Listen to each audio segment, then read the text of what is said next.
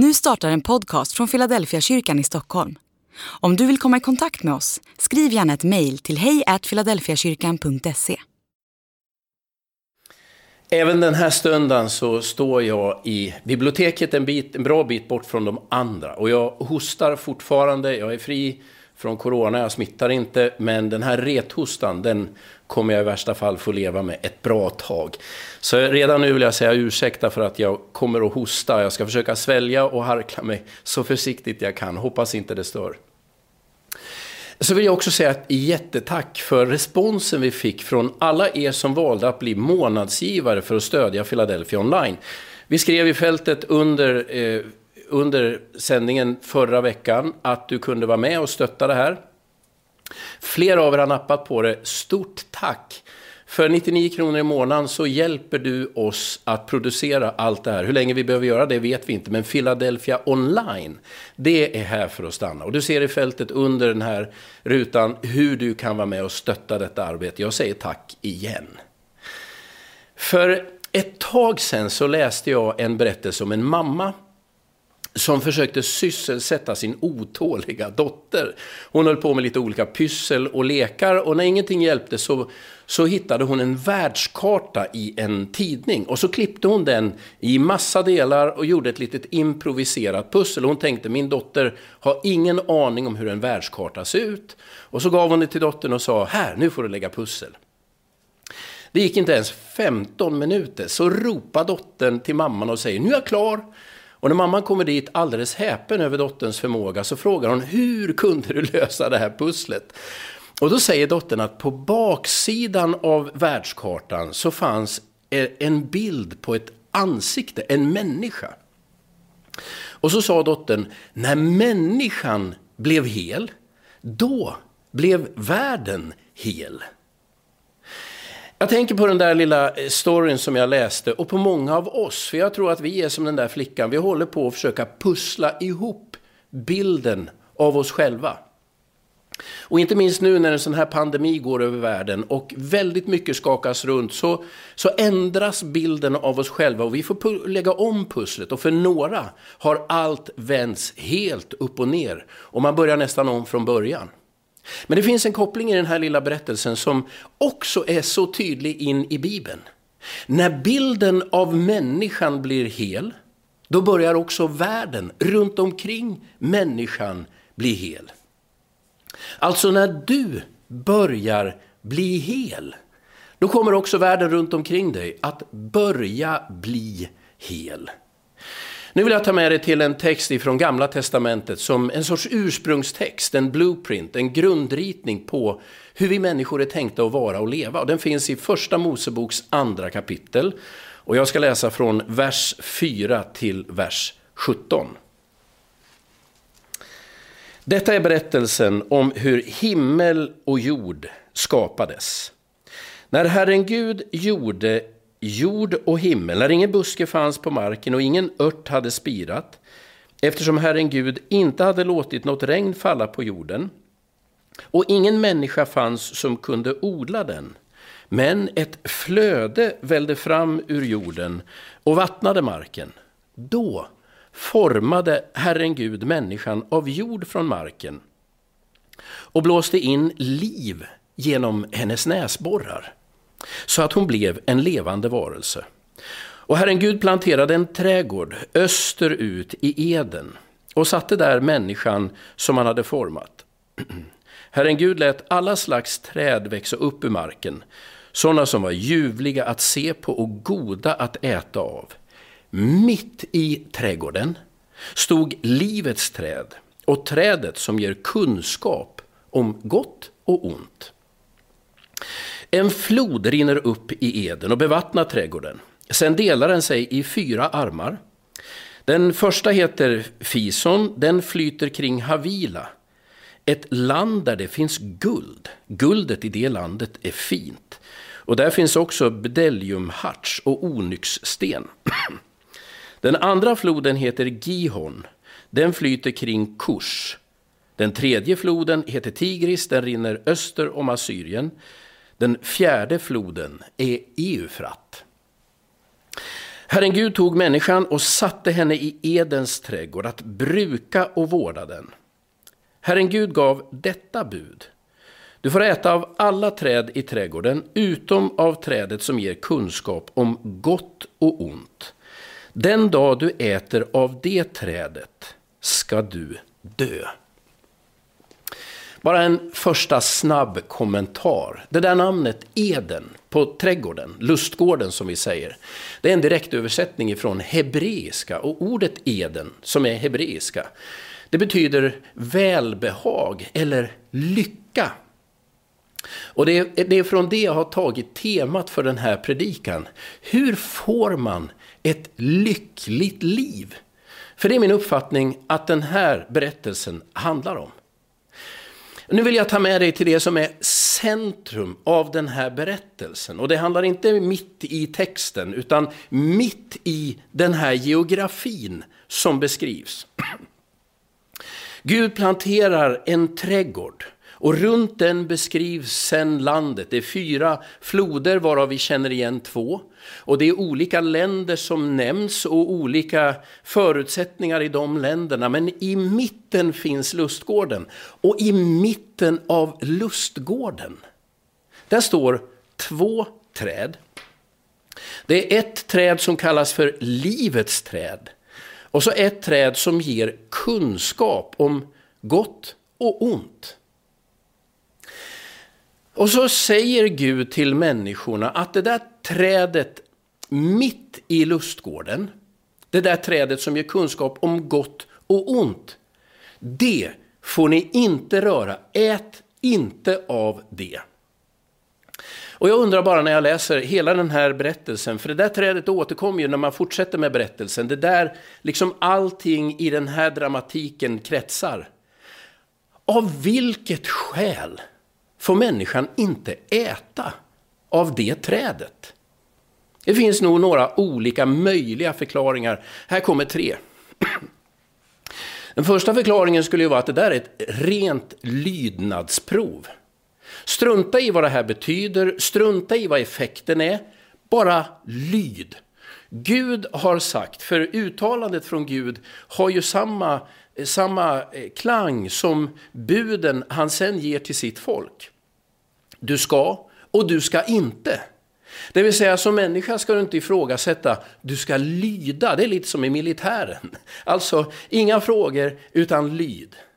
Det är som att själva fundamentet för relationen mellan Gud och människa, om man väljer den här tolkningen, det är att det är ett lydnadskontrakt. Du lyder, Gud talar. Den andra varianten som jag har hört och som jag tror ganska många kan liksom ana, känna igen sig själva i, det är att det här handlar om någon sorts moralkontrakt. Det vill säga det här handlar om människors karaktär. Mitt i lustgården står ett träd som är så lockande. Och så säger Gud, nu får du inte röra det. Det är ungefär som om man tog en sån här godisskål. Och så ställer man den mitt på bordet när barnen ska äta och så säger man, hörni, den här skålen får ni inte röra, ni får bara titta på den, utan nu blir det ägghalvor, grovt bröd och grönsaker, men den här rör ni inte. Och så är frågan, vilken typ av karaktär har du? Räcker du hela vägen? De flesta av oss tänker direkt när vi för in tanken på den här tolkningen att där faller vi. Jag vet inte om ni har sett de här, de här experimenten, de finns på Youtube bland annat, där man sätter ett barn framför en tallrik med en godis på. Och allt handlar om förmågan att skjuta upp en belöning. För det har visat sig att barn som äger förmåga att uppskjuta en belöning, något som vore gott eller tillfredsställande, de har lite bättre förutsättningar än ungar som bara glufsar i sig direkt längre fram i livet. Så man sätter ett barn med en godis framför sig och så säger man till barnet om du inte rör den här utan bara väntar nu så kommer du få en godis till när vi kommer tillbaka. Och så lämnar man rummet men kameran rullar. så kan man ju se att de flesta barnen de, de tittar sig omkring och ser att rummet är tomt och så stoppar de godisen i munnen och får ingen skäll Men de får inte en andra godis till. Men några av barnen, de följer uppmaningen, låter bli godisen och får en till. De har karaktär. Det vill säga en möjlig tolkning är att det här är någon sorts karaktärstest, ett moraltest. Kan du stå emot dina impulser? Har du självkontroll nog att, att, att hålla undan en frestelse? Jag vet, det här, det här sysslar man med som förälder. vet, man har köpt godis, då gör man ju inte så att man häller upp det och ställer det mitt på bordet. Nej, man försöker gömma undan det. Jag minns när jag själv var liten och min mamma köpte godis. Hon älskade romerska bågar. Såna här halvmåneformade chokladbitar med lite apelsinsmak. Och i huset där vi bodde i källaren längst in fanns en matkällare. Och på hyllan högst upp, högre upp än jag kunde se när jag var liten, bakom andra matvaror, där la mamma de här romerska bågarna. Men av någon outgrundlig anledning så listade jag ju ut att det var där uppe bakom de fanns. Tog in en stol, klättrade upp, plockade ner den här lådan. Jag sprättade upp den här cellofanen som omgav lådan på ena kortsidan med nageln. Och så kunde man liksom bukta lådan och skaka ut de romerska bågarna. Men jag insåg att tar jag alla, då kommer de fatta att jag varit där. Så jag skakade ut, men det skulle alltid finnas några kvar. Till slut upptäckte ju mamma i alla fall att någon hade ätit de romerska bågarna. Och av alla alternativa tjuvar i familjen så var det alltid jag som åkte dit och det var ju dessutom sant. Det vill säga när man läser den här berättelsen och tänker att ah, det här är ett sånt där karaktärsprov. Så är det ganska många av oss som tänker det där kommer jag aldrig att fixa, jag klarar inte detta. En tredje möjlig tolkning det är att det där trädet om kunskap på gott och ont, det handlar just om kunskap. Det vill säga kunskap är egentligen destruktivt. En antiintellektuell hållning är att föredra. Saliga de okunniga, det står inte i Bibeln, men det är ju så man skulle kunna tolka det. I bästa fall är ju de här tre alternativen att det enbart handlar om lydnad, att det handlar om moral eller att det handlar om att vända sig mot kunskap. En tolkning just av det här bibelordet. Men jag inser att det faktiskt i många sammanhang är själva källkoden för hur man tolkar mötet mellan Gud och människa. Jag ska snart ge dig ett fjärde alternativ, för jag är inte tillfreds med något av de här alternativen. Det är klart jag tänker att man ska lyda Gud och jag tänker att moral är viktigt och jag tänker att kunskap ska hanteras varsamt. Men att tänka sig att själva fundamentet för mitt umgänge med Gud handlar om min förmåga att blint lyda utan att ifrågasätta eller tänka själv, nej det går bort för mig. Och den här känslan av att det är en moralfråga som hela tiden handlar om min karaktär, det kommer ju nära ett konstant dåligt samvete. För ytterst få av oss är så karaktärsfasta så att vi tänker att vi håller hela vägen. Det sviker ju. Och definitivt att det skulle vara antiintellektuellt, det vill säga kunskap, forskning, studier, det ska man undvika till varje pris. Jag har svårt med den tolkningen också. Jag har faktiskt ett fjärde alternativ som jag skulle vilja föreslå. Jag är inte tvärsäker på att jag har rätt, men det ligger någonting i det jag sen vill föreslå. Men innan jag ger dig det alternativet så skulle jag ändå vilja ta några frågor till. Om, alltså Gud planterar mitt i lustgården trädet som ger liv och trädet på gott och ont. Och det verkar som att Adam och Eva får äta av trädet som ger liv, men det där trädet som ger kunskap på gott och ont, det ska de till varje pris undvika. Och skälet till att de ska undvika det, säger Gud, det är att om de äter av det ska de dö. Så tänker man om, om det här är så allvarligt, varför ställa trädet mitt i trädgården? Ja, men det är ju som att lägga en handgranat på lekplatsen eller lägga en förskärare mitt i barnrummet och så säga till barn, låt bli den där. Det kan ju inte sluta annat än med katastrof. Nej, men en ansvarsfull förälder gömmer ju undan det som är farligt. Jag tänker att Gud borde flyttat det här trädet till utkanten. Om det nu var så riskabelt och ändå verkar det här sitta mitt i centrum av platsen Gud har förberett för de här nykläckta människorna. Hur skulle det här kunna sluta annat än med katastrof, tänker jag. Men så kommer ytterligare en fråga när jag har läst den här och grubblat på vad innebörden i den här berättelsen egentligen är. Kan ett träd ge liv? Är det, är det möjligt? Är det förenligt med Bibeln i övrigt? Att ett föremål skapat av Gud, en planta, skulle kunna äga förmåga att ge liv? Överallt i Bibeln är det ju jättetydligt att det finns bara en, en enda, som har förmåga att ge liv och det är Gud själv. Så här säger Paulus när han skriver till Timoteus, kapitel, eh, första brevet kapitel 6 och vers 13.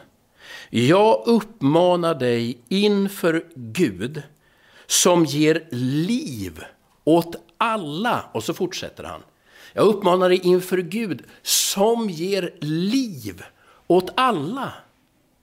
Inte kan en planta eller ett träd ha en sån funktion. Om en planta eller ett träd hade funktionen att den kunde ge liv, då borde vi ju tillbe det trädet. Men alla texter i Bibeln som talar om att på något sätt tillbe skapade saker är ju totalt avvisande. Det finns bara en, en enda som är värd vår tillbedjan och det är Gud. Eller i Apostlagärningarna kapitel 17 och vers 25 så säger, så säger Paulus när han talar i Aten om Gud. Inte heller låter han betjäna sig av människohänder som om han behövde något. Han som själv ger alla liv och anda och allt. Så när vi kommer till livets träd så blir min tolkning att det inte kan vara något annat än en omskrivning av Gud själv. Det trädet måste i någon mening symbolisera den evige levande guden själv. För det är bara Gud som kan ge liv. Men det där andra trädet, trädet som ger kunskap om gott och ont. Det där trädet som man till varje pris skulle undvika, vad, vad står det för? Det finns ju ett antal olika tolkningar också om det. Men en tolkning jag har landat i och som jag skulle vilja föreslå, det är det några rabbiner har sagt att kunskapen om gott och ont är en omskrivning för det vi kallar för allmakt och allvetande. Problemet är inte forskning, studier och kunnande. Utan problemet är när man själv försöker bli den allsmäktige. För kunskapen om gott och ont, det är kunskapen om allt. Det vill säga att inse och kunna lysa igenom varje motiv, alla omständigheter, att se runt alla hörn. Det tillkommer inte oss människor att ha den rollen eller äga den kunskapen. Det vill säga också det andra trädet är inget annat än en omskrivning av Gud själv. Och plötsligt börjar jag fatta hur hela den här berättelsen är upplagd. Mitt fjärde alternativ för att förstå vad de här träden symboliserar, det är att säga att det är Gud själv, den livgivande, evige, skapande guden, som måste få vara i centrum av människornas liv, av trädgården. Och så länge han är det, så länge människor respekterar den platsen, så kommer lustgården att formas om och om igen. Men den dag människor utmanar Gud om den platsen och själv vill bli centrum och tänker att jordens axel, den går rakt upp genom mig, det är mina tankar som är universums centrum, det jag känner, vill och det jag är, det är det allting ska orienteras runt omkring. Den dagen börjar världen falla samman. Den dagen börjar bilden av dig gå sönder. Det finns en biblisk parallell till det här. Möjligen något hisnande, men jag, jag chansar och jag ska försöka snabbspola dig igenom berättelsen. Adam och Eva äter av frukten, fördrivs från trädgården. Döden blir konsekvensen, för när människan tar Guds plats förlorar vi ofelbart vår identitet. Men så samlar Gud en gång till ett folk, Israels folk, som har varit slavar och för dem ut ur Egypten genom öknen. Och vid berget Sinai, så ger Gud Mose en instruktion om att bygga ett tält, tabernaklet. Och det tältet är tänkt att vara mötesplatsen mellan Gud och människor, mellan himmel och jord. Och de instruktionerna i Andra Mosebok kapitel 25 framåt, de instruktionerna kommer, hör och häpna, i sju olika delar. Och den sjunde instruktionen handlar om sabbaten. Och den sjätte instruktionen handlar om de människorna som av Gud ska bemyndigas och få gåvor att kunna färdigställa tabernaklet. Ser du parallellen till skapelseberättelsen? Jorden skapas på sju dagar, tabernaklet kommer i sju delar. Den sista skapelsedagen är sabbaten. Sista ordet om tabernaklet är sabbaten. Sjätte dagen skapar Gud människan. På sjätte dagen ger Gud gåvor till de människor som ska färdigställa tabernaklet. Parallellen är helt uppenbar. Och sen händer någonting. När tabernaklet väl är på plats i ordning så ställer man det inte utanför lägret där det förut hade stått. Tvärtom så sätter man det mitt i lägret. Och så gör man en stor omorganisation. Så att alla Israels tolv stammar bosätter sig runt tabernaklet, var och en med sin tältöppning in emot tabernaklet. Kan du se jämförelsen? Mitt i trädgården stod träden som gav liv och som gav kunskap på gott och ont. Mitt i lägret, när Gud nu kallar sitt folk, står tabernaklet, mötesplatsen mellan himmel och jord. Det är centrum för människornas liv. Och så kommer tredje Mosebok, det är ju där alla människor som har försökt läsa, eller 98 procent, 99 procent av alla som har försökt läsa Bibeln från perm till perm stupar. Tredje Mosebok som är en enda lång upprabbling av regler och bud och ordningar som är så svåra att läsa. Men när man ger sig in i den så inser man att av de där 27 kapitlerna i tredje Mosebok så handlar, hör och häpna, de 16 första kapitlerna om gudstjänsten om hur man ska fira gudstjänst, på vilket sätt och när man ska undvika att vara där. 16 kapitel! Varför är det så? Jo, men genom hela Bibeln och tydligt utsagt i tredje Mosebok finns en insikt om att du blir det du tillber. Eller för att formulera det med lite andra ord, du blir det du älskar. Vi talar ju inte om att tillbe normalt sett i Sverige idag. Men om du bara tänker att det du ger din tacksamhet till, där du söker ditt hopp, var du ber om tröst, där du söker kraft, var ber du om försoning och förlåtelse, det är det det här handlar om. Och hela berättelsen i första Moseboks andra kapitel säger att i centrum av Eden, det lyckliga livet, där står Gud själv och den platsen måste han ha. Och när människor förstår det och börjar orientera sig själv utifrån det, det är då på något sätt pusslet börjar falla på plats. Och världen omkring dig börjar bli hel. Det var det här som egentligen ryms i den första kristna bekännelsen. De första kristna hade en väldigt enkel bekännelse. De sa Jesus är Herre. Och naturligtvis menar man att Jesus ska man lyda, man ska lyssna till hans råd. Det är viktigt med moral. Men det handlar inte i grund och botten om lydnad, det handlar inte om ett moralkontrakt. Det handlar inte om kunskapsförakt. Det handlar om att på något sätt bestämma sig, vad är centrum? Och centrum är Jesus Kristus. Och när han blir centrum, då börjar pusslet komma på plats. Och det är inte bara bilden av dig som börjar bli hel. Utan bilden av världen omkring dig börjar bli hel. Så var med mig nu så ber vi tillsammans. Herre Jesus Kristus, jag vill tacka dig för att du är centrum i vårt liv. Det är åtminstone det du kallar oss att låta dig vara. Och den här söndagen skulle jag vilja säga, Jesus kom var centrum i mitt liv. Och när du är centrum i mitt liv så är min uppfattning att pusselbitar börjar falla på plats. Jag hittar min plats i tillvaron. Och det är inte bara jag som långsamt börjar läka, utan världen omkring mig börjar också läka. Och nu ber jag dig för många som är med den här söndagen och lyssnar, Att de igen skulle hitta en läkedom i din närvaro. Och att den läkedomen skulle gå inte bara in i deras liv, utan i den värld de lever i. Jag ber om det i Jesu namn. Amen.